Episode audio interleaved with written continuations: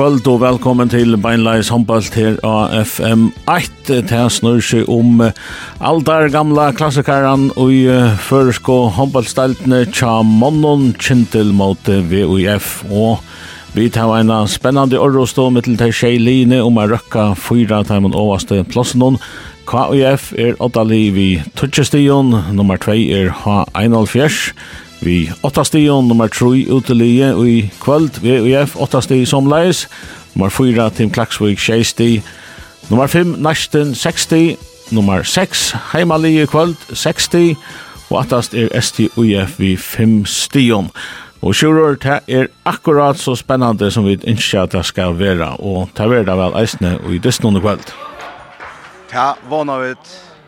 Jag vet inte alls att det ska vara en spännande dyster för en avhållande dyster känd till alltså som Brottle kommer på i och slä och prata här om uh, outsider till FM enda spelar till som det vi sikron och SJUF och Team Klaxvik senast en Team Klaxvik mycket kväll det här och till lördag efter tar vi så det från Hanna för SJUF så hade vi det ett ej att hur någon vän och spännande dyster som känd till ända vi vinner vi två mån Malon och tog er kjente nu ja, Terry Kinsmen er nesten næst i Børndalene. VF er tre overast.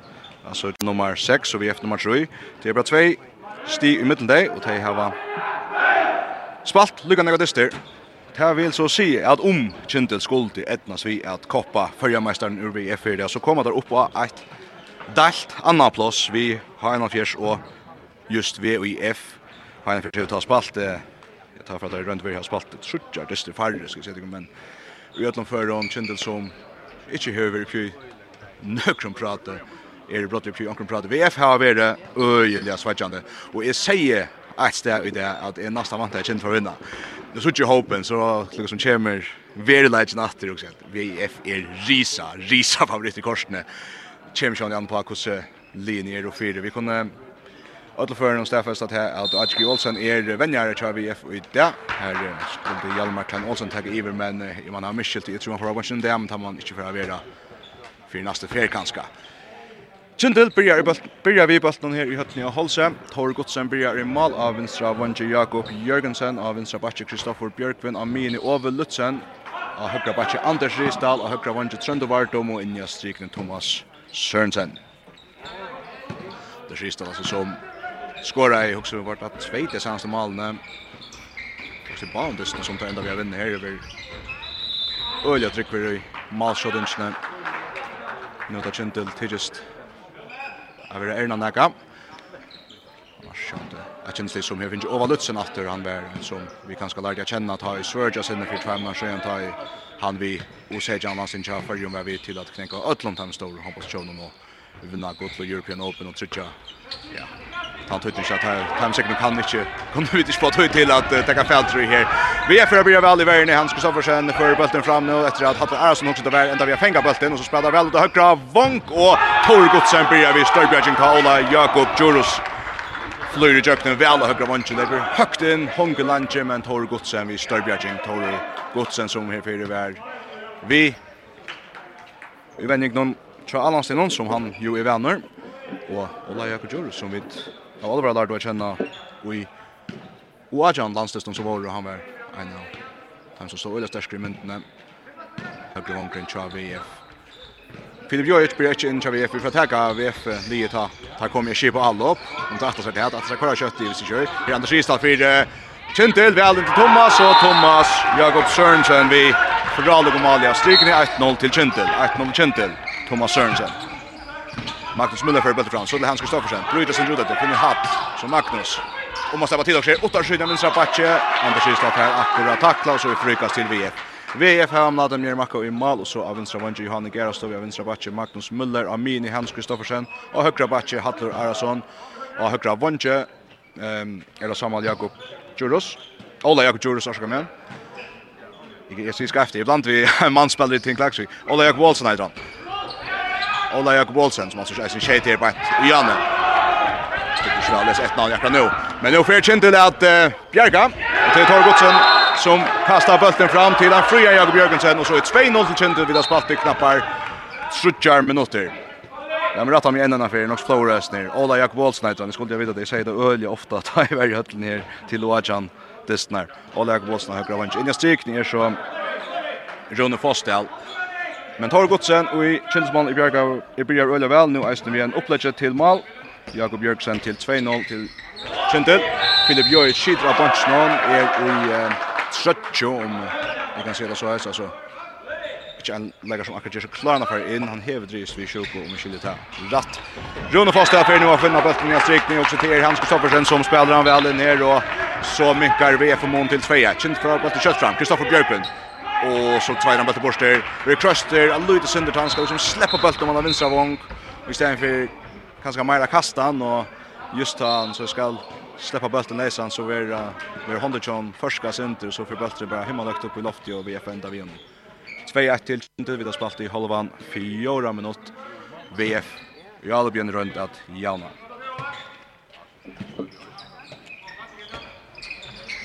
Hans Kristoffersen Kör och till Hatta som högra backen som Magnus Müller vänstra backen undrar skott. Hugger kanske Evers skulle ut fyra och i varje garn och på ända ett tar Godsen och så för Kindle framåt. Kindle för framåt och Lutsen. Finn Anders Ristan kommer in högra back och på Henka. Atler Ova så håller han till färden. Han sätter av till korsne. Atler Anders så sover färden till snabbt. Sover färden till snabbt.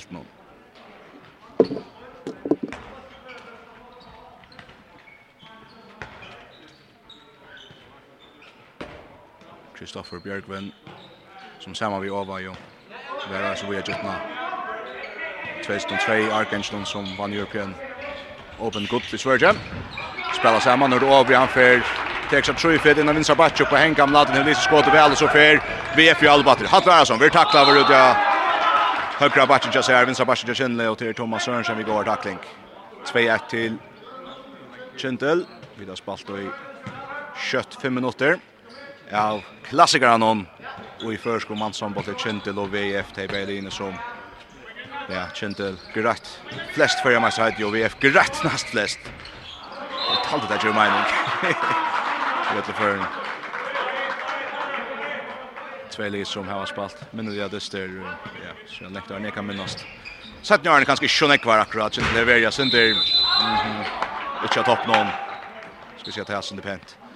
VF og i år, kanskje ikke helt här uppe i Arrinja som tar väl det och så då var i fjör i landskapen kjøttet for henne. Men nu har Arason, han kommer vel kjøkken høyre av vannet, så han takler over brottskast til VF. Hans Kristoffersen teker mot Tor Godsen.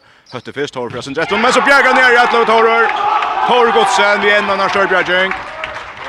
Og vi har også ikke vidt nevnt, da blir vi da nevnt at det er kjent til VF nå i hesten og nå ta, ja, aller, aller største profilen til Kjendel nok er Malberg i Tara, Tor Godsen så kan det bli en øl spennende dyster mellom Torgodsen og Naden Mjerimakka där Bayer och vänner at sätta sig en dam att dysten och ja gångs det slin väl så skulle ta nog finna mat att få alin alina till dysten Kristoffer Björkgren innan strikt etter velspall Thomas Thomas Färger ja, han tar akkurat svärt från honom här är det frikast känd korsnet här ser jag att eh, Magnus Müller ska ha helt till Thomas här eh?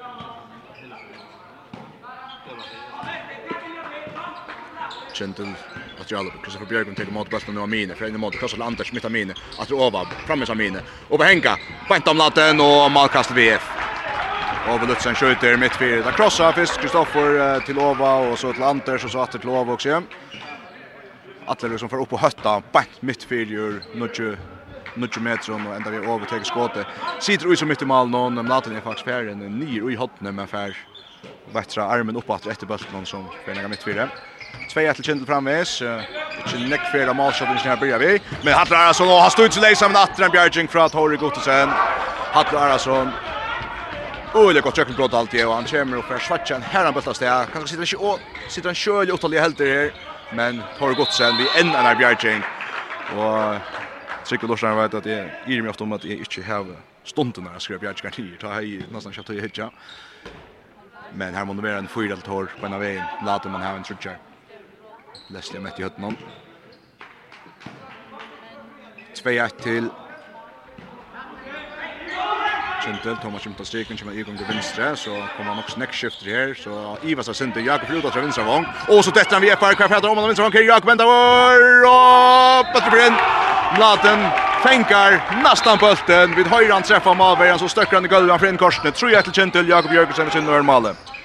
Vi er fotbatter. Magnus Müller skjuter av vinstra bakke, nekken Firmina, og så Bjarkar Tor Gudsen det Her ender alt vi en frøkast til VF, og til Magnus Müller som nesten sier, da var Elkjørn her til frøkast, og så sier han, ja, hva skal du, ok, du er rett.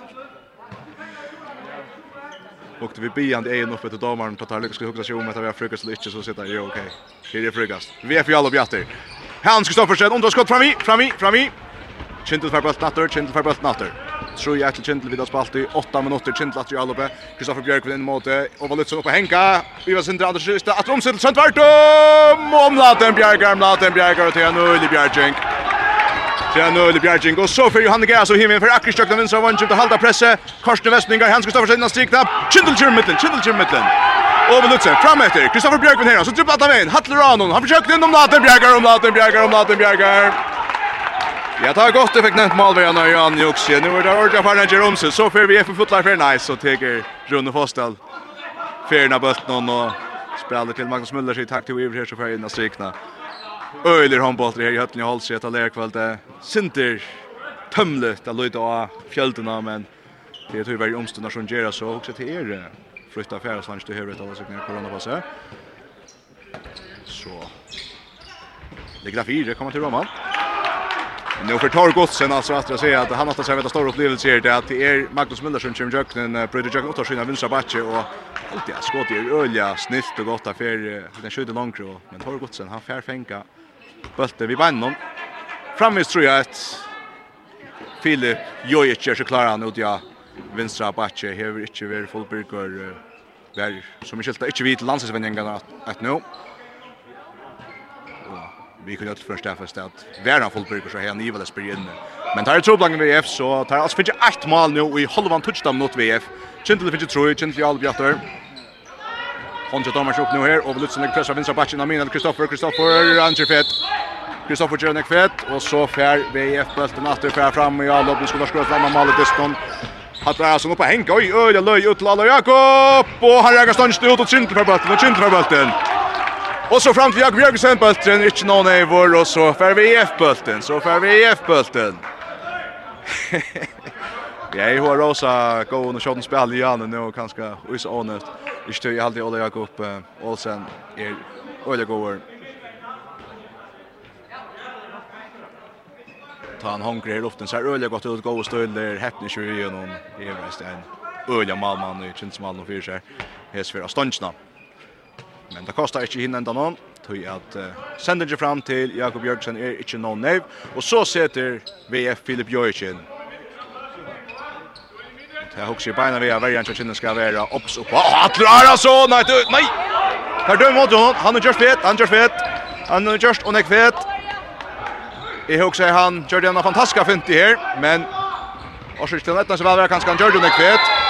Och i hinnan då någon eh, Lever Kristoffer Björkvin så blir han tacklar mitt fyra och styr han som tacklar han vid FBN. Och kändes väl Europa center om man så tackling inte hade det så nästan som kom natter i vägen. Ehm Frykast kjentel verda gult kors i VF-verne. 3-1 til kjentel, vi tar spalt i 11 minutter. VF-ver skåra en affär. Filip Jørs er kommet av et natt, han er sin i verre stående. Skifter vi Runa Fossdal, strikspilleren. Och i halt det att hoa känner väl att att det malfattakt. Nu läpp känt lat. Anders Ristad och Kristoffer Björkman missar batch. Innan Björk av. Röna finna vunchen så tackla det väl högra vunchen till Ola Jakob på Hattler Arason i fera. Fela.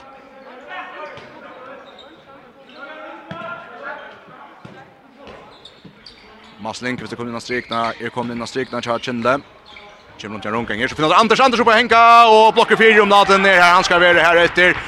VF framis. Hilde i fra Dødja, nu skulle fram av Minka, nu hör inte stående helt sig allt, allt och lanche. Filip Jojic tar fairen ut, han fairen från Hans Kristoffersen. Filip är då när vi värna och så är det Magnus Müller och Rune Fostel som skiftar. Rune Fostel in i innan strikna kör VF. Magnus Müller. Och det sitter och hjälpstå. Till Jörsjö upp hänger och Torbjörgar Torbjagar, Torbjagar. Torrur Gottesenn vi en annan Bjarking. Jag vet inte vad det är procentet. Det var vara upp på norska Salthems. Lugga mycket. Kristoffer Björgren kan han nu äntligen gakta ut dessa Bjarkingarna från Kinde. Han var väl näka presterar här nere. Och i malen och Kinde tar Gottesenn till han Bjarkar och Bjarkar och Bjarkar men Kinde här finns ordet av att gakta ut att lösa. Nu rör han åter. Han är hej om. Tack så mycket. Jag sitter där kommer in till VF. Nej, nej, så han sätter sig efter. Nej. Det var mer för sådär. Har kött i VF allom någon. Overlutsen ek pressar venstre. Arvarsan Stigsberg finner mas. Nei, her kommer VF i midtlen, men det ender vi en frikastet til Kindles. Ola Jakob Ol Olsen er färna av strikne, eller färn. Jag vanns någon runt om strikne för akkurat förra för inspel men så ända vi att detta normal tiden så blir det givet säkert och så så är det frukast kjent men go go vi står från unga Ola Jakob. Tja VF. Kristoffer Bjørkvin, at det blir kjent ler. Høtti, vi er det over? Over her plasser, og Mladen Bjergar, Mladen Bjergar, Mladen Så tror jeg til kjent til å ta år, godt sende i malen, og i måte VF, og mer Mjermakka i VF-malen. Filip Jøy, truster! Kjent til sentene kommer fire, men bøtten støkker ut til hotna kast til VF.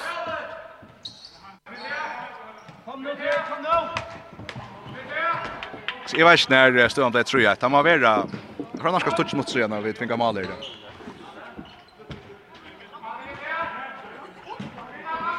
VF gör sig går stunden nu. Nu skulle det vara närlagt där. Hatle Arason. Uppe Henka. Ett rymmar, rymmar skott från Hatle. Av högra Bacica. VF Torgodsen är rättas bult någon av Färreisen strejfar bulten men han är då här och never till att han får helt till nöt och så häver VF Mink och Mono ner i 3-2 nu är det känns men om man missar bulten det ända vi att Ja, Sambars VF så ser domaren Kindelsveien til at Line Bay var samt om hva skulle dømast, men det er altså frukast til Kintel. Trøyt feil Kintel har spalt i 14 minutter. VF har minka nye trøyt feil han har støm om de halda serien 8-20 minutter. Og 3-1. Kindel Jale Bjatter. Ove Lutzen, Jakob Jørgensen. Kan høtta her. Anders Ristad, fantastisk langt med Slingqvist, og så skårer han. Det er ikke den beste Alvinsen sikten, altså. Det är verkligen att han färnar fram i syn och likar Anders Ristad, men Mats Lindqvist är pura, pura varter. Så färran håndna, ja, att rom hött jag en VFR och färd. Ja, kan bruka ett år som snuppa bulten ur läsar luft. Och så skorar han, det var vi att så snära bulten om avgör nästan. Ödet mål från Mats Lindqvist. 4-2 till Kintel. 4-2 till Kintel. Mats Lindqvist för sin första mål i strikne. Annars Anna stryker mål och tja. Kjenner det, Thomas Sørensen skårer.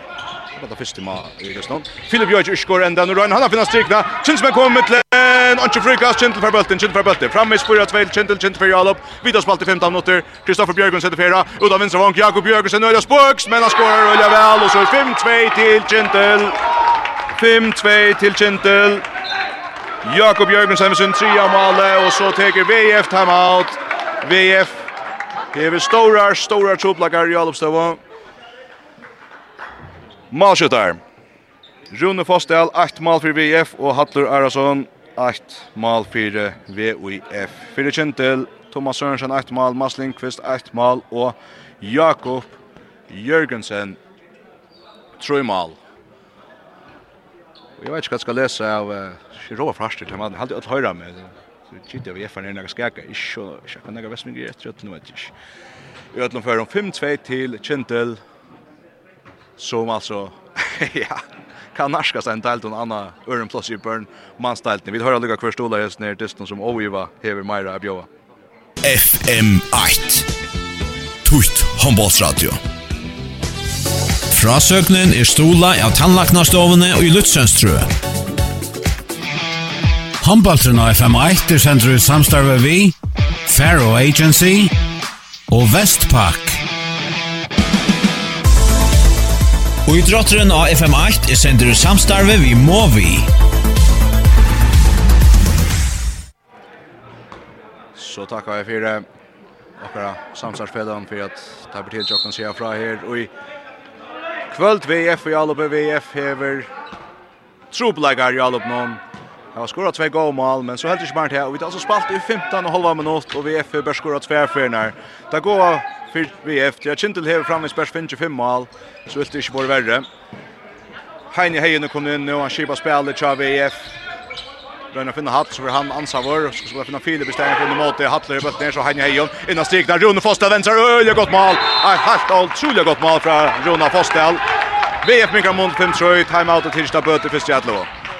Kristoffer Björkman för bulten fram hemens över Lutsen och Modjan för hänga här blockar fyra. Och så får vi ett så får vi ett bulten Heine Hejon spelar sig Magnus Heine från åter och så mycket andra mål till 5-4 Hetta var gott timeout från VF Här var inte spalt i mer än 30 sekunder efter en lukta stetchen. Och så här där Beina Vein skorar dubbelt så näck som där hött i ett halvt kvarter. Nu har bara spalt i 16 minuter. 5-4 till Kintel VF minkar. Vid 2 mål shot och mål och så lägger Jant åter.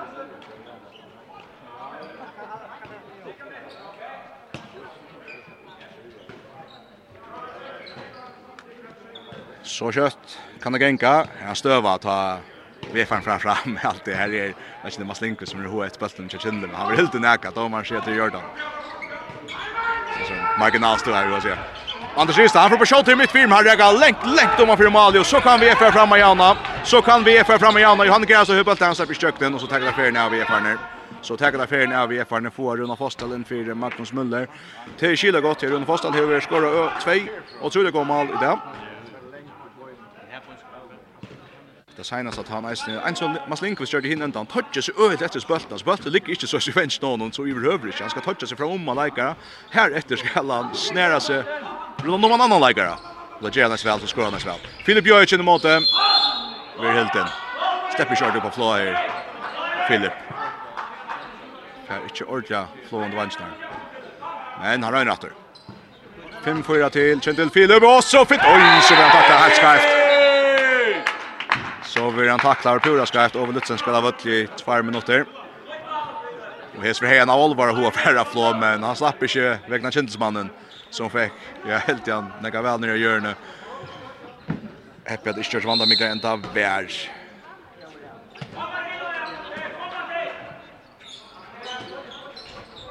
Det är fyra tally. Olle Jakob Jöknen han driver track och räcker stånd upp. VF räcker att stånd snut. Här ju öppnar vi Vångskott någon här. Men då då. 5-4 till 5-4 till Kintel. Det har spalt i 8 minutter av förra hållet. Och nu är det brottliga väntas under vi. Kan väl säga så att nu är det Ja, nu är det Kintel som hever uh, finns känna sig finns en stor steg i all upp någon. Falcons alltså tar med halta VF nya två mål då första kvarteret. Och så bara fem shoulder. Anders Kirstad har plats här. Rönn han där bollen att runt till Trent Vartum. Oj, Trent bara med bult där och som det helst har i mikrofonen så är det sån onödigt det. Det är Anders Kirstad lägger att om sig halt faktiskt han har låt ta bulten. Problemet är att han lägger att om sig bollen ändrar golvet någon mission med han Trent Vartum och så från sjätte bulten någon Anders tar upp att det ser sån löj ut. Vet inte man dribblar Anders men i öllum förum så där vi att han har en chans man att spela till. Här att runder att runder att i varje stå. Eje Bjarkarsson kommer in och högra vång tja VF.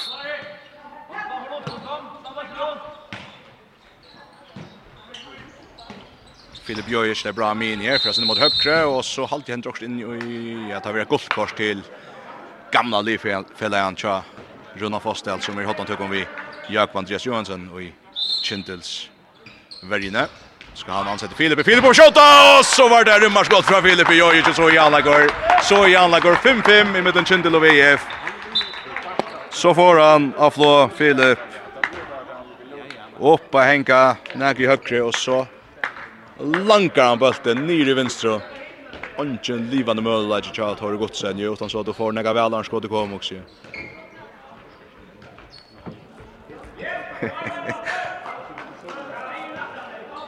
Her uh,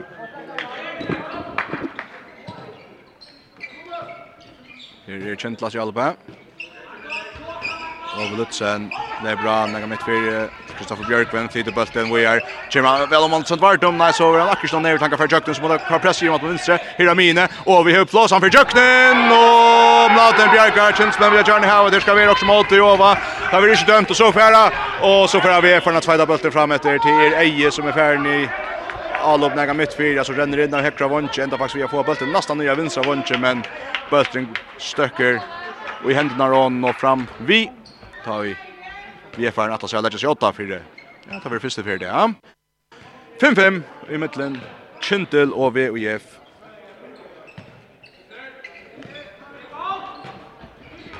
Overlutsen, det är bra. Kristoffer Björkvin. Stannan skott, blocker fyra, Mlatnen, Davion, vi igenom. Nu här var det inte ordja.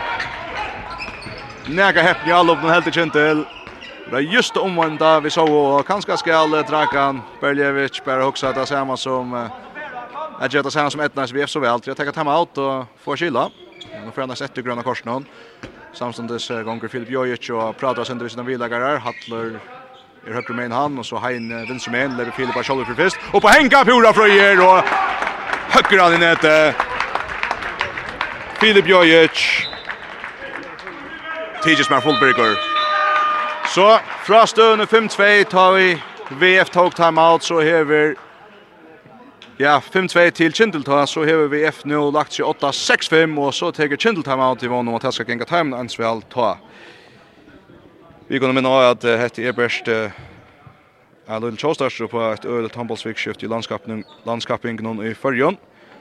Og i morgen ser vi fra Tveimond listan her er FM8 tar vera eisen i havn til mest som tilvildan litt og til til at her er tvær gode strebant til altså nesten og SJUF og SMS-deltene kanskje en øyelig avgjende dyster om FM enda spiller langt nå ta er bare kom inn i annan tringen i grunnspillen men Det kan bli kjøpt og lengt fra topp 4 og nere etter om SJUF ikke færgjørst også vi nesten i morgen. Så gjerne, så må liene, Nesten är kommer nå månaden och här på ejlinje tar jeg var Det fra bæje inn tantisten hugsa hette er tantisten vi må vi må vinna om vi skulle komma på norska tiden och ta fyra strängen. Därsten alltså är femte plats så är för kända plats men bäje in vi säkert kom där spela sig neck neck knarre en enda spel. Och i röver strunn om enda spel. neck. Kjentel, vi er lengt attast og Vi hade nästan 20 tås om där. Nu skulle detta stämna vinna här där så kommer där upp. Att det är andra plats vi har en av fjärs och VF. Men Mladen han har tagit sig att ska ettnast Kinlem. Nu för Ove Lutzen i jökna finta sig väl jökna helt nya vinstra vunche. Mladen Bjergar. Mladen Bjergar. 6-5 till VUF. Och VF i Alupen åtta där öka. Kintel stora troplagar vid målshotten i Alupen i höger Christian Jensen. Christian Jensen kommer in av strikerna. Av strikerna kör vi F. Det har Arason som är bra av högra backe. Vi tacklar väl av Jakob Andreas i Kinsvärna. 6-5 till VF. Han Hejon är bra av vänstra backe. Åh, oh, så de har missat bötten Filip. Öl häktesliga faktiskt per han. Uh, Itchy fötterna. Åh, så fint han som är jökten. Filip Jojic. Han är fruskur. Tills inte värst nästan där var han akkurat. Där han skorar så ut. Ja, alltid fightat levererat tre mål ja. Och 5 till VF och det är att jag jöknen brott här han tjänar lilla höttan och så förlyr han i jöknen känns mer pura fröjer. Och han plejer att trubbla shot trubbla säkert han släpper shot ur 11 meter och släpper han shot av 6 meter så blir väl trubblare. Tar gott sen någon gång möjligt. Kristoffer Björkman för Kentel. Gång på att också kötter. Avlutsen är bra. Att Anders till höger till Kristoffer. Så Anders. Och så tvällar bollen bort Borstör där på en återkänsman. Bultren dettra golv vi Happy Fyrtan, spyr ut lenkas så Kindle bra til Honja Doman kommer upp da, brukt han tvært ut i Alvingar, overtaktar lengt ut i vinstra bakke.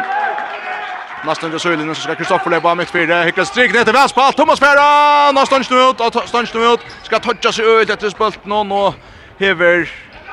Ja, en touch där första en sekund eller så att steppa sig här bulten. Det gärna sig väl men bulten stöcker stånd nu förut. 25 till VF och Så kanske skulle vi som knappt jag får huxa och så kände kvack kan ha blå till vi skulle lycka tian allt då. Och detta vi är för när ser vi till förra mästare och vi bestämma. Johanne Gerastov kommer runt av en sån chatt om en högra bak, så krossar han hattar så hattar på Henka över takta vår och luften ner det att en tackling så där jag det något nästan.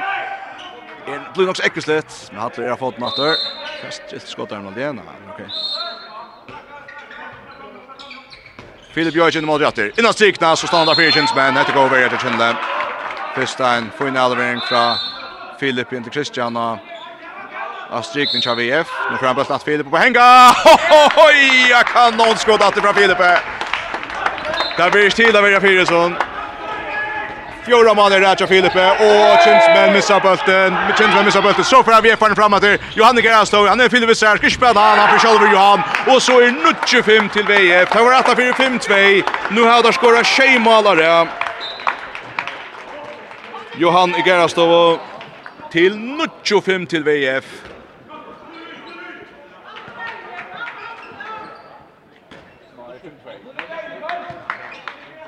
Filip Björk vi sin fjärde mål. Så är Johan vi ser någon första. Borgar Svensson kommer att finna Anders Risdal så Borgar om måste snäsa sig djupt någon och så vem tacklar över. Så vem han tacklar vår Släpps sig i bulten. Nucho 5 till VF 5 minuter efter det förra hålla Kjente Løy svarom svarom tjoblagen etter at Jack Stam som etter ånden ut av første løtene. Men her er alve pura, pura, pura steggo. Borgar Svensson, god fer her til Anders Ristol på henka, Mladen Bjergar, Mladen Bjergar, Heppe fyrir Kjentels og støkker han til innkast og til malkast, så nytt all opp til Kjentels. Kjentel Lebrator, Borgar Svensson, mitt fire. Kristoffer Björkvin kommer rundt, til høyre til Anders Ristol. Så Kristoffer og så Borgar og det er Vinsabacci. Kristoffer Astramine, Og så kommer VF i mittlet til Christian Jensen. Anders Ristad for Astek og nei for Kjallvig Christian også. Veran krøster så mye at han kan skrive seg sentra. Han skjuter for nekka fram i.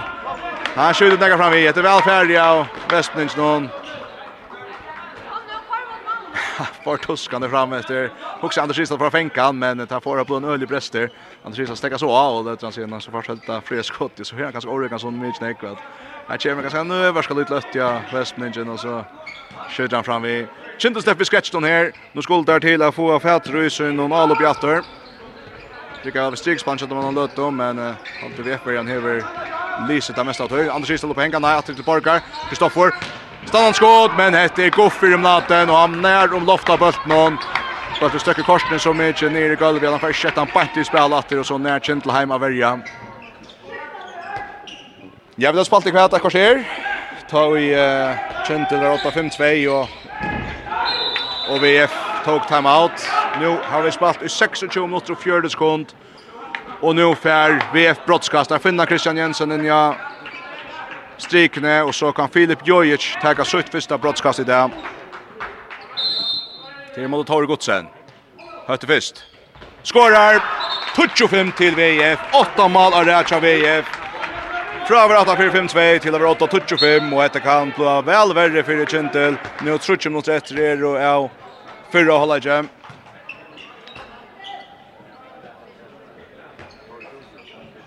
Och där tidigare störst där. Och det är självande Sera, Sera Kjellit. Kristoffer och Ove pratar samman i Kindels upp någon. Ove har vänstra backen Kristoffer Amine. Kvadrat Anders ut i högra. Så kommer ni igång till vänstra. Så leder der som droppar arbetar med strikning i vänstra backen mitt för Heger Stoffer. Röna finna strikning nej jag kommer der midt natt vi er farne, men det er vid tackling så är det frukast och Kentel. Frukast och Kentel 25 til VF. og Kentel i Alby. Överlutsen. Anders Ristal. In i måte. Så Kristoffer. Vel ut av vansjen, Sönder for Øyla spukte kjøkkenen, Omlaten bjerkar, omlaten Bjerkar. I halvt ikke derfra skårer man en laten i det. Takk godt, kjøpt om her er 2-1 mot etter å spille. 25 til VF, og så at Rom sitter fantastisk spalt av VF, og så i mål, og så 1-5. Det er Christian Jensen, av striken heter Filip Jøyers, og Morten Ferna godt av Sverige Alopnån. Høttra vinstra bakke via fjerde inn etter, og så legger han at som høtter tjas her, og man til Christian Jensen som er pura til deg her. Hetta var besta mal i dag. Vækost, vækost utførst.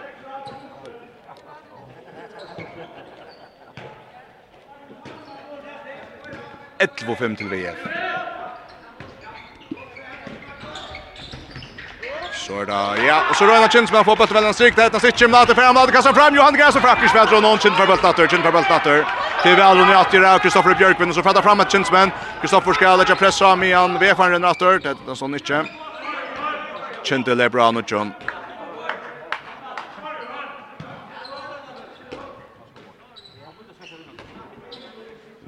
11-5 til VF. VF har skåret 9 mål av det. Våre søndre Trondheimskån, 8-4-5-2. Och nu får alltså bollen åter i rattan blockar fyra och så får han skjuta lopp och Esper sitter bättre bättre Johanska korsne touchar sig och så fram Jöknen och så Bjerkar Torgutsen och så Bjerkar Torgutsen. Ja. Som han är vänner så helt han kjente linje i dysten. Och det ska vi ska vara nu. Där har en halva mot etter fyrir leidje, Chintel. Och tar skulle simpelthen skåra nu.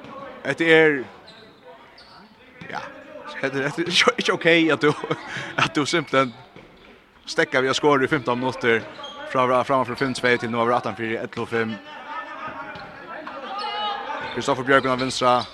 Batje oppe hänkarna till Anders, Anders Hötter. Han sender plats i over plats ut åtta åttarsen i och og han reker ikke malen. Bulten. Teger over av parsten tvørsen, og så er plass til VF, og der har vi ikke tid til frukast, og kjøsser att Malkast, eller hva det er. Og så enda alt vi at det er Hollagård, og Hållagsson er altså 11-5 til VUIF. Filip Jøys blir ikke inne for VIF. Jeg vet så, hvordan Birger Mundia Vera, han kom inn, tog han løte, slapp ikke ordentlig flå, flere støver her, VIF-eren tøktes øyelig krøster, og så får han av flå. Så rikker jeg da. Lugg opp på henka, og så finter han seg i jøkkenen, og så flyr han i jøkkenen, og Så är han i halvtid och så tjej Malvin kan gå förbi mig här nu på linje färra till Hollax så det skiftar rum någon här är pura för så in egna bra men tar gott sen om laden mer i market här gera geva för någon läckvan tar bara här vi två helt helt stora upplevelser har gott sen sälja det första kvarteret laden ja. Det sen kvarteret här han haft höstlagt låten här han har stått målet. i huset att vi har spelat i första minuter tar vart till 8-5-2 Så jag tog VF timeout. Ett nice väl först vid 5 shot och malen mycket nyer så sloppta från om och så får det snö öka. 11-5 till VIF. VIF skorar nutch mål där att sen så kvarter att han annan släcker början och så halt i förra mästaren ner här och hoa se att uh, Kindle kan gott vara verande utan utanför ta fyra en annan löd. Vi får så jump Kindle för att vi sätter hålla inte om en annan löd. 11 5 till VIF och i hålla. inte. Tack för Ja, nu får vi da sett etter nyan og Hals til det som vanande var en spännande dyster om ikke Mladen Mjermakka leser maler for godt. Ja, han uh, var kjentes malverje, ta vi et første før lærte henne kjenne i det håndbolte, inngået Mladen som nå omnekker i våran og imen. VF-verjene har ju att säga. Du vet alltid att Så kan spela så väl du vill, men uh, det är inte bara bara att köta mål mot Jesus som han är väl röjlig. Första lötna vi har gått sen i känsmal nästan helt. Helt otroligt så han uh, kanske mera kvaliteter och Jag vet ej att att har Filip Joyce kom in i dysten.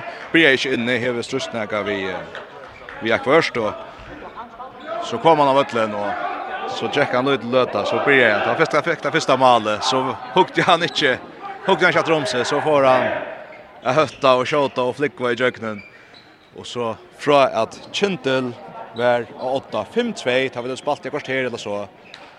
Så da vi kom i så heje VF lagt sig 8-11-5 vi nutjo malna det. VF resten börjar i bulten så tar konno Ötja oppa til Meira og skora så tutsjunda mal av Rea og Justus noen. Kjentismenn har haft en karskommasteg jeg prater om dette. Och det som säljer är det är att ganska högt att det Lena som är inne så är det Filip det är Hattler så framme där kunde skjuta utifrån. Inte tog ju se Anders Ristal borde ju haft här dikten här hever inte finns det Arika och helt helt han hever skora en och i där hingo Anders tja.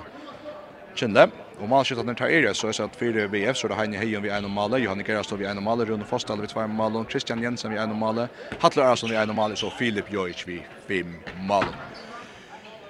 För Kindel så har Thomas Sørensen skorar 1 av strikene, Mats Lindqvist 1 av strikene, og så Jakob Jørgensen 3 mål, og så har vært en 2 kjødda og lopp, og etter vannstånd, kanskje omvendt. Og det sier kanskje en sender om hver dykter, eller hver ampo hese line hava, og jeg lopp noen, ja, Filip Jøjic kan gjøre det som vi det vana så ikke han. Men, vet jag vad säger nu nu om til Lorsa vi mig så sjön det så vi det inte Atlantisten mellan Chintel og VF vi var jo i Höjvik så fra Heina Heinrich Kristius UF Og vi var ikke at månen skal være så stor det som han vært hatt. till det har vært säkert en stor spenning, men åh har skorsne det skal minnes til. ta vann Chintel att Tinn klaxvik som jo har vært en tiltekt en god Malmann. och det er vi flere skåten utifra. Og...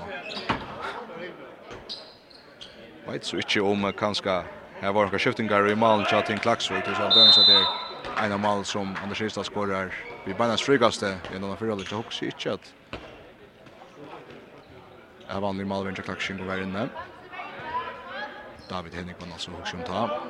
Som alla ser vi en första i skriften tar ju er och till Distrikten Klaxvik. Till om natten och det har vi tagit gott sen nästan. Tar vi det till VF och Kintel. Nu lever VF och Heine Heijon och Hans Kristoffersen spelar samman. känt ettan styr i varje stöv för Säter och Lutsen för dribblan framåt. Hickar ut högra vång. Sönder vart mer. Sönder vart mer men Bulter för fram igen och TT VF och tackla över och i Alverings i blitzen hon. Och vi kan man med sådär sen då. Så är det frukast Kjentel. 11-5 till VF Kjentel ettnast vi att förra VF och att öka. Så första löpna är förra. Nej, jag sett man hålla jamma av Sætna Hållager. Jakob Bjørkesen i vinstra vanje tja Kjennle, så er Kristoffer Bjørkven vinstra bakker over Lutzen Mia, Anders Gisdal høyre bakker, og høyre vanje Sønder Vartum, jeg stikne Jakob Andreas Johansen. Nu får Anders Gisdal komma til og skjønne, finner over, Ove, Ove skal komme til Knottarsøyne, og øl, øl, spøk, så han veres krøster helt ut av er frukast Kjendel. Og i malen tja Kjennle, så han det Taurer Gottesen. Og tera med over her, vi Kjennle skulle vana, for jeg har sutt til at hette på negra malen kan bli spennende etter. 11 5 til VF Kindle Jalobe. Vi har spalt i 31 en halva minutt. Anders Isdal går av en mitt her. Kjem ikke til nægget som lyst en skåte, så overlutt sen Bjørn er fra Høpkross, og Sønne Vardon kommer rundan om. Finner Anders atter, slipper han fra her. Ivas av Sundri, Ivas Øylet, så finner Kristoffer. Kristoffer skal nesten fra Kjallvir, da Mana i sundra skåt, om laten her han skal være. Så kjall hos Møllager, Kristian Jensen, pura frøyer. Og mal og 12-5 til VUIF en annan affär med Latin med Björking, en annan affär Charles Molaje og allt er Öronsson ju där Christian Jensen skårar.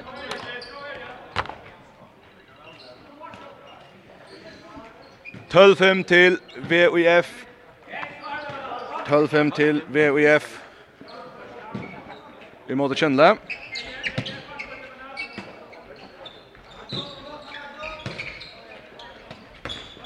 Og her kommer så ikke VF. Eh,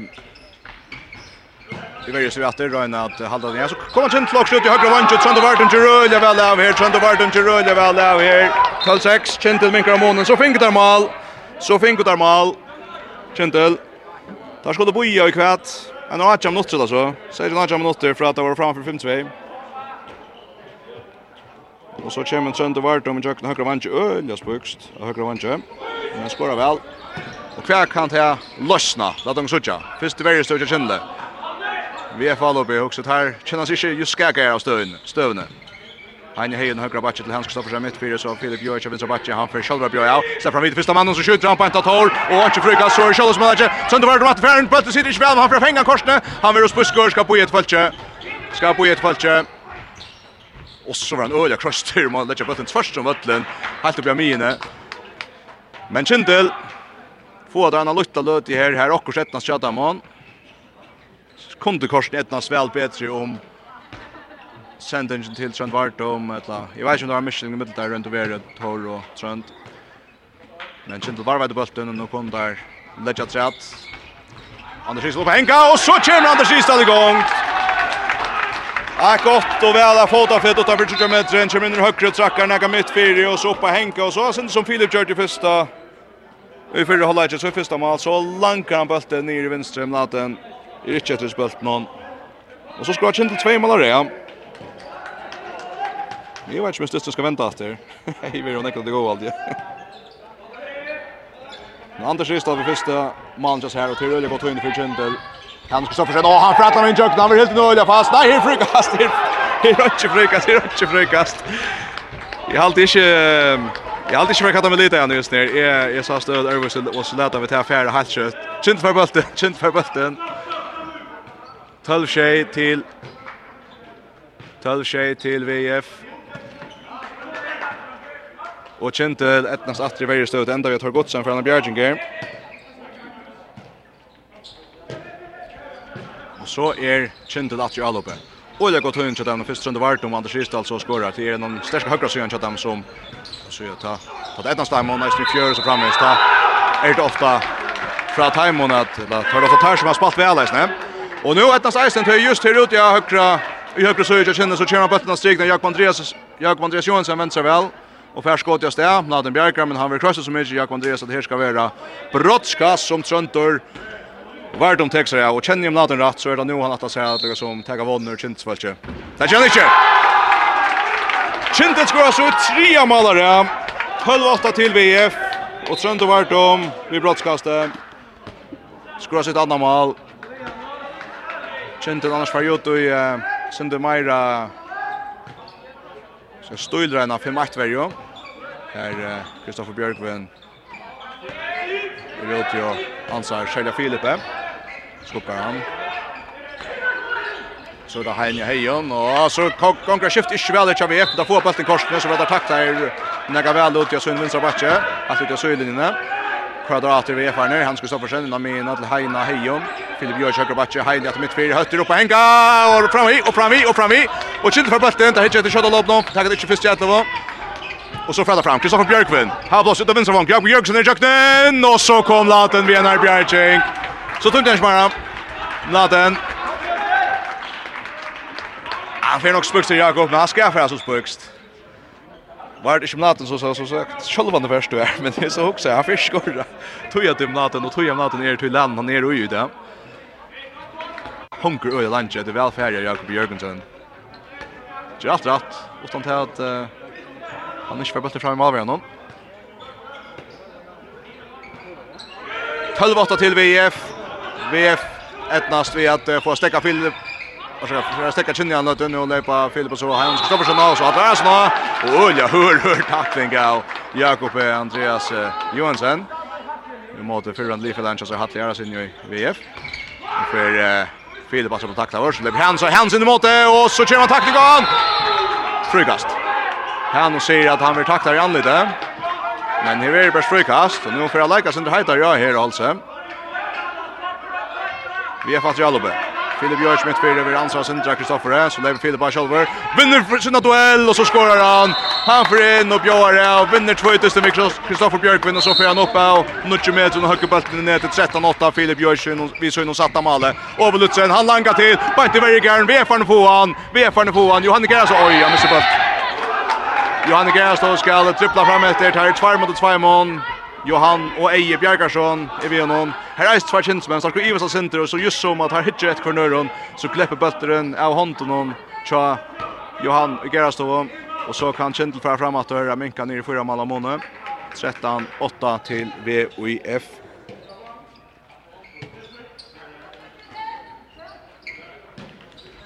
Kjendel Jalbi over Lutzen, Jakob Jørgensen kommer rundt. at Atta vinner høyre bak. Så Bjørn er altså over Lutzen, nek ut i högret. Sönder vart. Oj, jag spök skruar. Och ett rymmar Malo.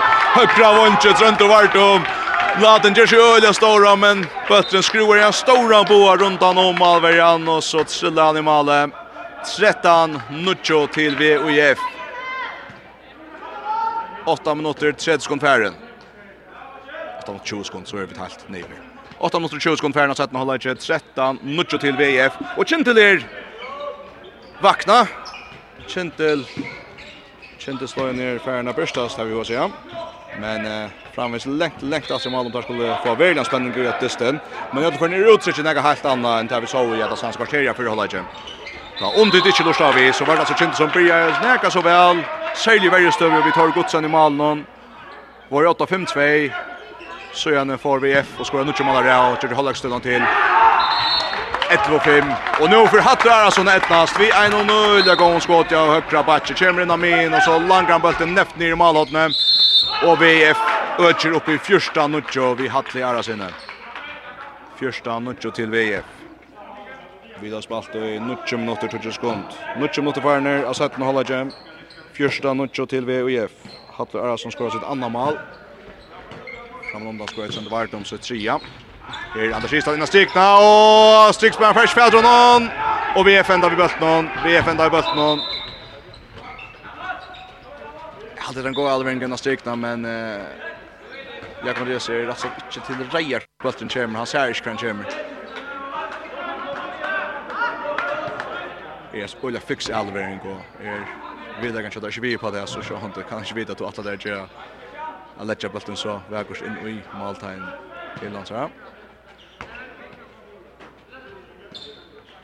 Fem mål om i efter första matchen till VF VF att Jalo Bä hade alltså oj en kick sig allvering för längt upp om hött ja in och backen och så ut till Inka Gentle Gentle Jalo efter över Lutsen och Kristoffer Björkman för bollen fram. Över mittfältet hickar till höger till Anders. Anders Lebrator och det högra vångt sönder vart vart i jöknen och sönder vart om Han har det kommit igång där ner fjärde mål just här. Uppe Henka högra vånche. Sen så skruvar han ut om laten Hesfer. Lägger han helt i näft inom. tar laten trackar ut efter. Öle gott Avrika tror inte vart om första touchet till VIF touch och en halv minut i färden av hålla gem Och VF att göra på VF. Omgångsgånd. Och helt där Onchen orsök till panik. Men nu god tackling i Kindesvärne. Lätt att höra tackling guys nu till Jan Paul Pettersson som väljer högre tvåare alltså fyra vänstra backen och Xavier som tacklar här. Det ser ut att där i alla vägar står. Björk tar bollen åt sig med någon spela vidare till Hanna Hejon. Så ska Heine lägga åter. Vi tacklar för Seattle och hoppas nummer läser. Heine vill tacka så mycket i frikast. Frikast till VF. Framvis 14 touch till VF 11 minuter för när sätter hålla igen. Filip Jojic ut till höger. Oj, på den näka över hattar frackra fält från någon som vill tackla det här efter. Nu kommer Kindsbergen och färd lasta Sindra spelen som VF har gärna vilja och till alltså ett vanliga crossspel så där men har rätta hör tackling här. Men goda tacklingar. är som vi skatte ganska lite ega petten i golvet men det här färra. Så vi fyller på Henka och så Bjerta helt till. Det kan välja så galt du vill. Här är blockar fyrir alla vegin, og Filip Gjøyers fär snukt fram i blocken og det er bænt för där der, og Tore Godsen ser över høversbøltet, han sitter i netten, någon Filip Gjøyers, Filip Gjøyers sin kända male. 15 touch til VF. Filip Jöjers helt där bara fram og fram og fram. Han skråa tutsjo male Mial. Perdist. Det skal nok bliva Vi har till halta ända desten. Och nu blir det desten bättre för VF. Nu kicksa där och i samma spel någon känns men tar skifta bulten ut av backarna och så för bulten där fram fram i så är Filip Björk på Henka och så missar han bulten i korsen. Eller, varsågod, nu ska vi se där att det. Fisk skjuter Filip. Tar Gottsen Bjarkar till center inte Löjs av Filippe som inte orkar plus som annan vid fyra tar men det är så mycket harst där bollen stöcker ut efter och så får VF har chans men ett så tror någon och ända tja VF. Och Phil nu spelar den strikerna och här för Christian Jensen. Han är en mot en vid chans mannen i världen och så snärar han sig vägkors och någon värlagaren och så brottliga så kom VF upp att dra sex mål av 16 touch till VIF. Christian Jensen vi får det till att vara hans uh. Det ska passa. Halta. Så 16 touch til VF, vi tar malskjøttene og Lucas som är här vi skriva där nu i värsta centrum så av spelaren ska alltid täckas. Så det var de fyra mål for Kintel, Anders Anders Risdal ett mål, Jakob Jørgensen tre mål, Thomas Sørensen ett mål, Mats Lindqvist ett mål. Det är touch ja.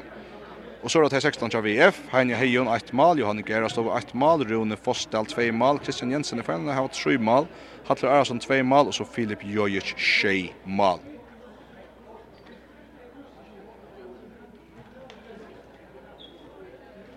Så er 16, så til å gå der. 16 touches til VF er det i før, og da kan Løyga Høyra hver stolar og her og gjerda å kunne sia fra. FM 8 Tutt Håndbollsradio.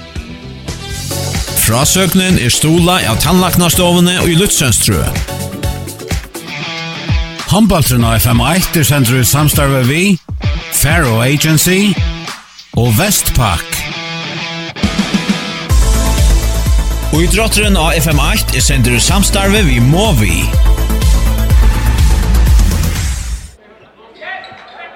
Sekstan tutsi til VF her i måte kjenner vi takkar alt kjøtt og samstarspillene fire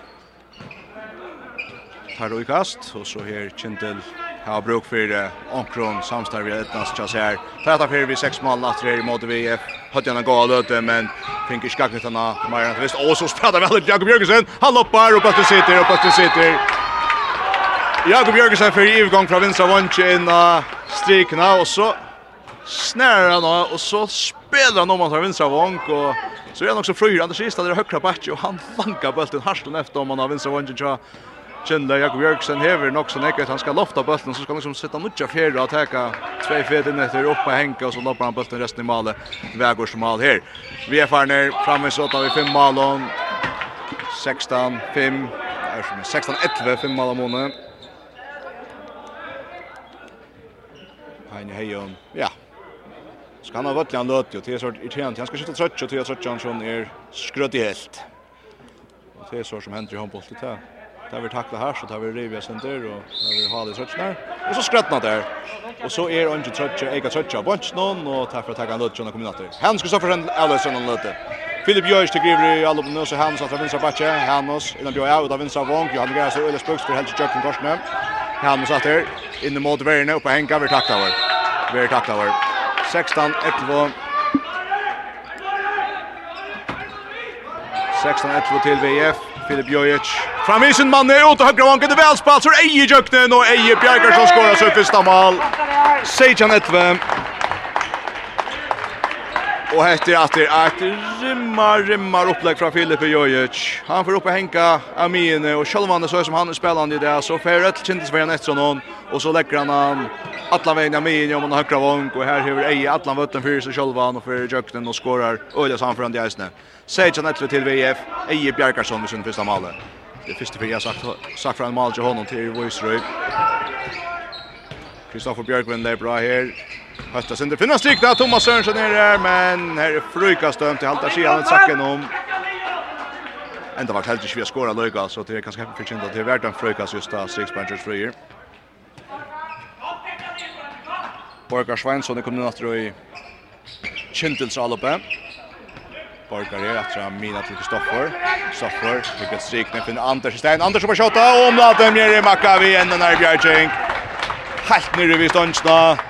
Just här som Anders Ettner så väl vi har skårat här stund efter Janne. Hes för Irmladen där nere för nästan nere. och ja. Här har det där split spagat och så var det.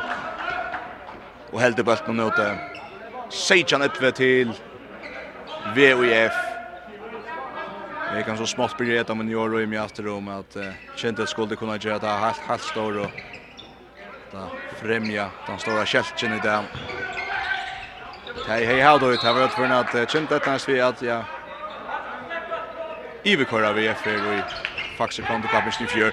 Oj, oj, oj, Filip er största. Nei, så kjemper Stich fram den strikna korsne. Fintas sin spelare, så kan spela strikna, og nei, så stjeler han. Ja, og spajta på det bort. Rent kaos, rent kaos av ötlund, ända vi har kjentlar bulten. Okej. Okay. Fyrst spjall va? Känns men kommer akkurat i mitten till att jeg halte att vi får ganska kört in och klarer på det. Så gjerne Filip Schalberg och stjeler bulten fra kjentsmannen som för bulten fram. Dommer ser till hjørta, så tveit han efter till Lifela och på och bult. Det tror han då hånden nere i fötterna.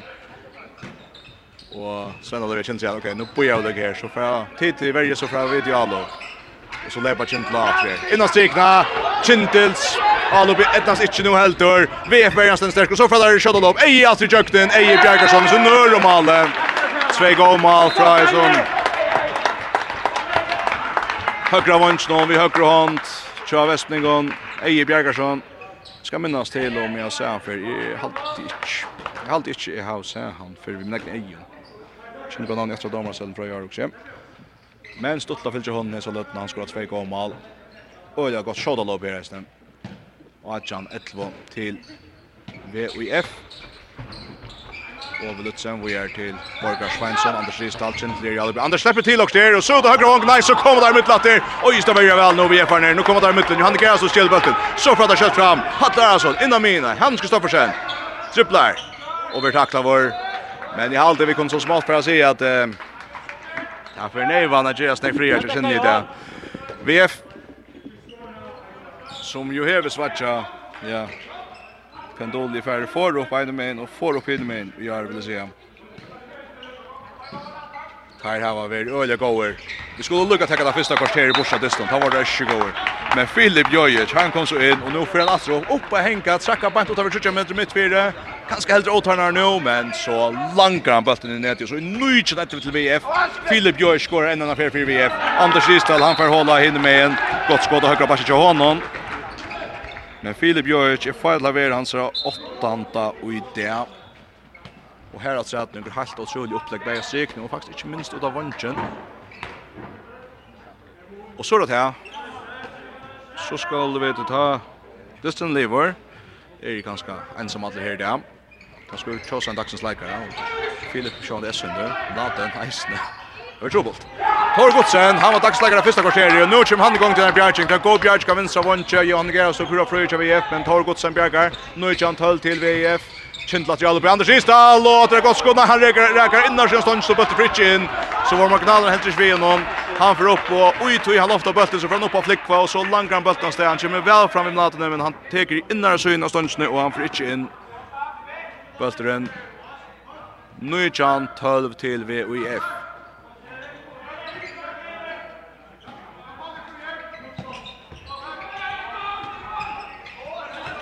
Hattar Arason är bra här för näkt ut efter. Räka på tar ta godsen. Ner frukast vi är från någontan. Bara kör rätt. Filip George. Alltså han Han får in tekan tvåtest vi en kinsman og i veiene. och så fintar han bara 1 2 3 5 1-2 til vänster 2 til Høyre, så han jökte och tar gott ja. Han er otroligt vi tar bulten när det kommer och som touch med nå, men ta Filip, så Ester vi skjuter 6 meter så blir det snämmare. Nu är det normalt att Filip får att lavera. Filip Björk til 20-12 och så ska Dragan ta ta mot att Geran Eisne. 20-12 till Filip Björk, Vladimir Makka och VIF. Och överhöver en VIF som har varit seriös samförande här. Det hans långa lötna. Kintel skal ta som tinsne, og Kintel skal, ja, hans etter at uh, det ikke blir halt, halt, halt gjøtt. Vi må til uh, att här var en gång stim och här skulle gärna varva ett ankra goa trick vi mån till att här nu att jättnast. Så eller väl allt hans då. Där chans att tvärdystnar. Ehm vi tar match då när att när vi då hörst från akra samstarspel om så. FM 8. Tut handbollsradio. Frasøknen er stola av tannlaknastovene og i Lutzønstrø. Håndballtrena FM 8 er sender ut samstarve vi, Faro Agency og Vestpak. Og i drotteren av FM8 er sender du samstarve vi må vi.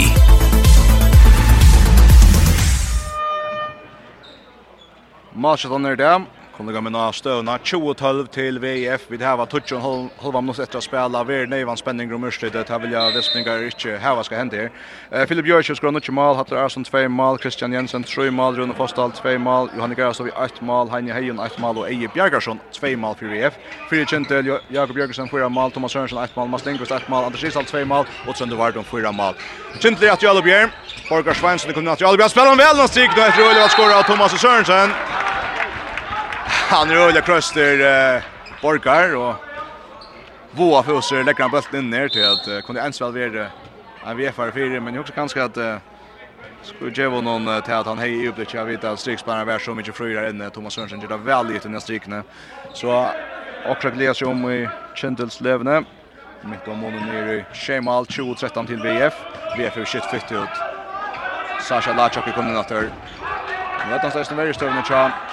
Kjemle, men tar vi at kast til VF etter blokk.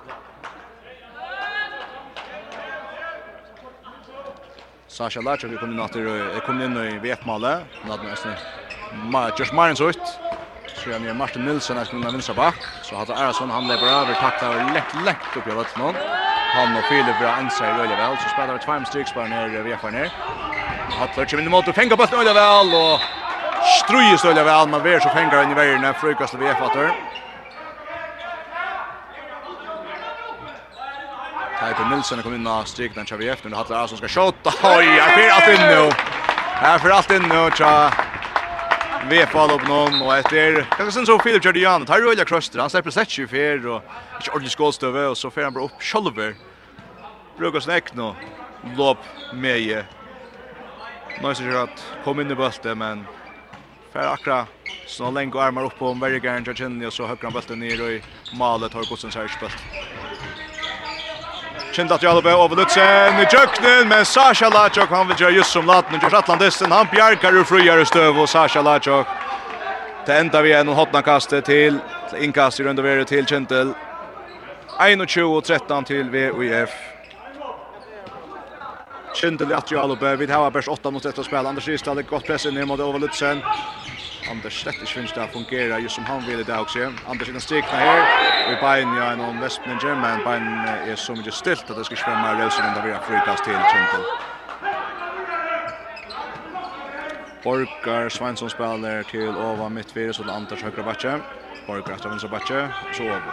Så Anders går fer fra kvart. Oppe henga lengt utifra, men til å lengt utifra, og veien kommer fire, og her etter enda Sasha Lachak vid bulten, og VF att jag lukar inte för ett mål. 21-13 till VF. Och så spelar det här Ruiz och nonchalant Västmeningar. Hans Kristoffersen hickar mot vänster men släpper bötten till högre. Han får fram Jötlen ut till Inkast Gentel. 21-13 till VF. Håller vår åttonda minuter. Efter att någon.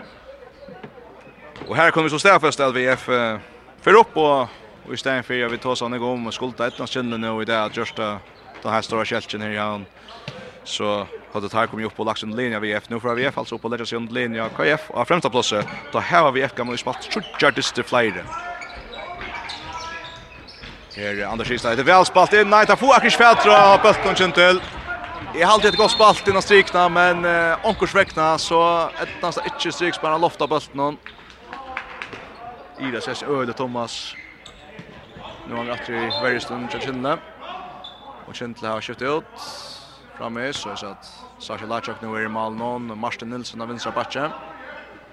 Och högra vänster framme är Eje Bjärgarsson skott fem mål där.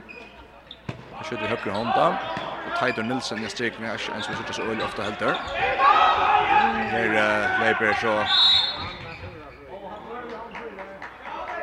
Martin Nilsson av han blir tacklad over. Han blir tacklad over. Filip Jørgen gjør skilla så hadde Gian Tetchen till Hatt Arason. Nu ska också hämta. han centrer. Finner nej så från Schalver ja så får där stäcka någon chans men frukast någon till VF. Frukast någon till VF. Filip tek mot honom just att göra med. Så fintas i atterjöknen och så bjärgar tar Godsen i stormstölen.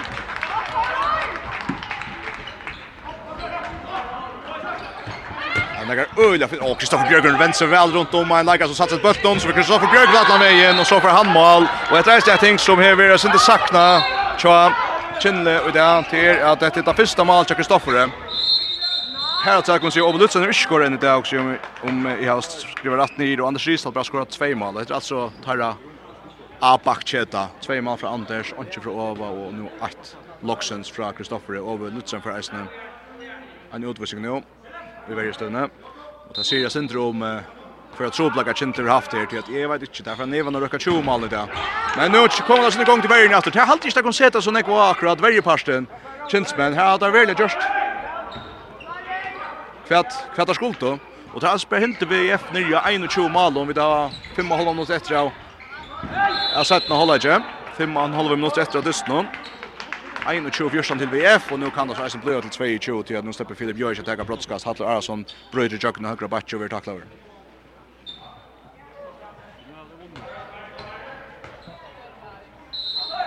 Filip Jørg teker høtte først, og så skårer han. Så skårer han, og så er det her. Her vi skriver noen ekka stryker til han, jeg hokser da.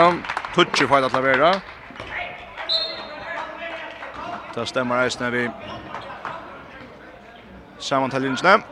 Tutsch mål til Filip Jojic, så helt han så ett mål till. Han skorar 5 mål i Berndals i år, hette han så nutchende, nutchende dyster. Tackar man Cleo. Ta, ta vill jag säga. Var så bench för att uh, när och på tusen för Filip inte vi toppskytt i förrjun. Mera, så är det nu. Så det vart om han har varit otroligt rask ut där och nu fintar han sig ensam att lycka ut i högra vånche. Trackar in mot Bastion och ruttlar sig läsan så han tacklar vår slut så läsan korsne skårar så femta mål och Ferran Kinsman utvist han av en.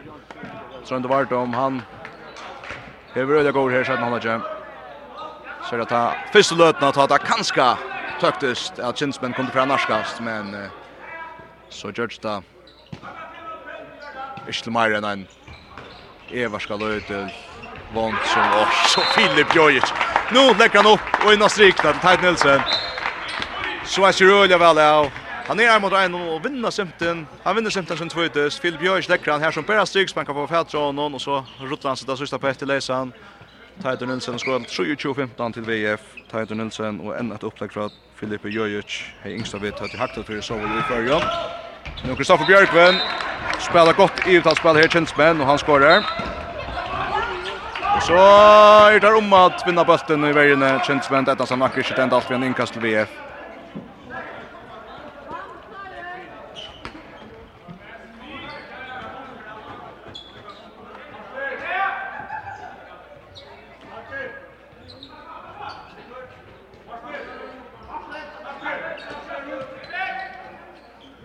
23-16 til VF. Her er en goer trutje mot rett å spela. Filip Gjørs på Henka, og etter en damal Filip i Verleidje.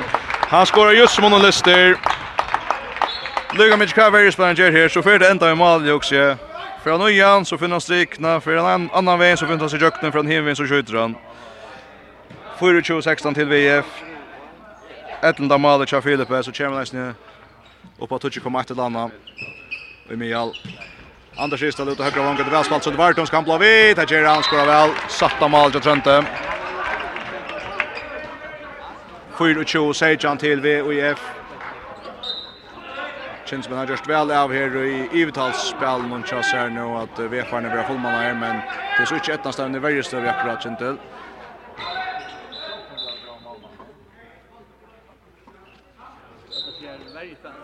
Så Leiba vi er fast av Filip ut i vänstra. Att Roms spelar Martin Nilsson om han har vunnet, bøtter akkurat fram i hans av vunnet. Og så kommer han lenge bøtter fram. etter velkastet Borgar Svensson. Frakish vet hon kan så masse enda vi och och så skårer han.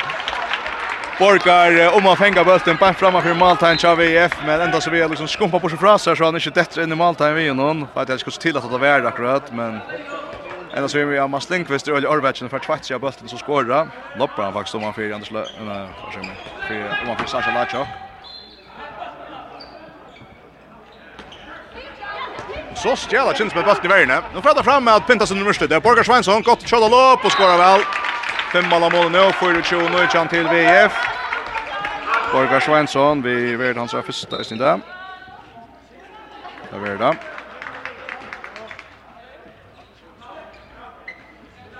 VF Astrid Albe Martin Nilsen skör fram framåt vänstra backen på Henka. Oj, rymmar skott från Martin Nilsen av vänstra backen. Ja, ja, han trakkar och tror jag men av vinstra Batje och så långt han och uppe i långa hårt. Han tar gott sen rätta spölt och alldeles tar Ira sig inte att uh, han är ju nog Orvars rätta spölt någon. Men samfrande skott av Martin Nilsson av vinstra Batje av VF. I'm not retter 25 och nu kjent till VF. Action det som helst kan være nøkt vi parter av spel noen. Men Alla jo ju långt och av det er ikke godt. Og Och nu gång där jo jag opp noen, och Happy for Kintel så gångt da ikke VF bedre kjønn og lopp noen tar tveitan på etter Kinsbein og så blir bøtten i Kinsbein og så er VF bøtten etter sindementen er og ja. Kvitt ikke etnas kjinn i det. Og snart blir jeg veldig vel?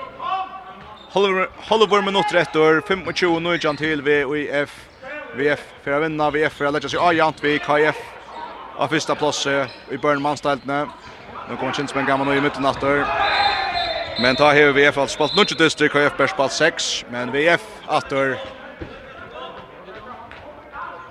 Allt det känner jag också som för Eva står ju om jag ska se att har det för Eva står om VF nu Montevera så Om det är svårt för att komma ut så tror så blir kommer ändå spelare. Jag har inte alltid att här lyckas som sätter nästa strik runt nu att att välja normalvärjan och Filip det ska nog enga till timon.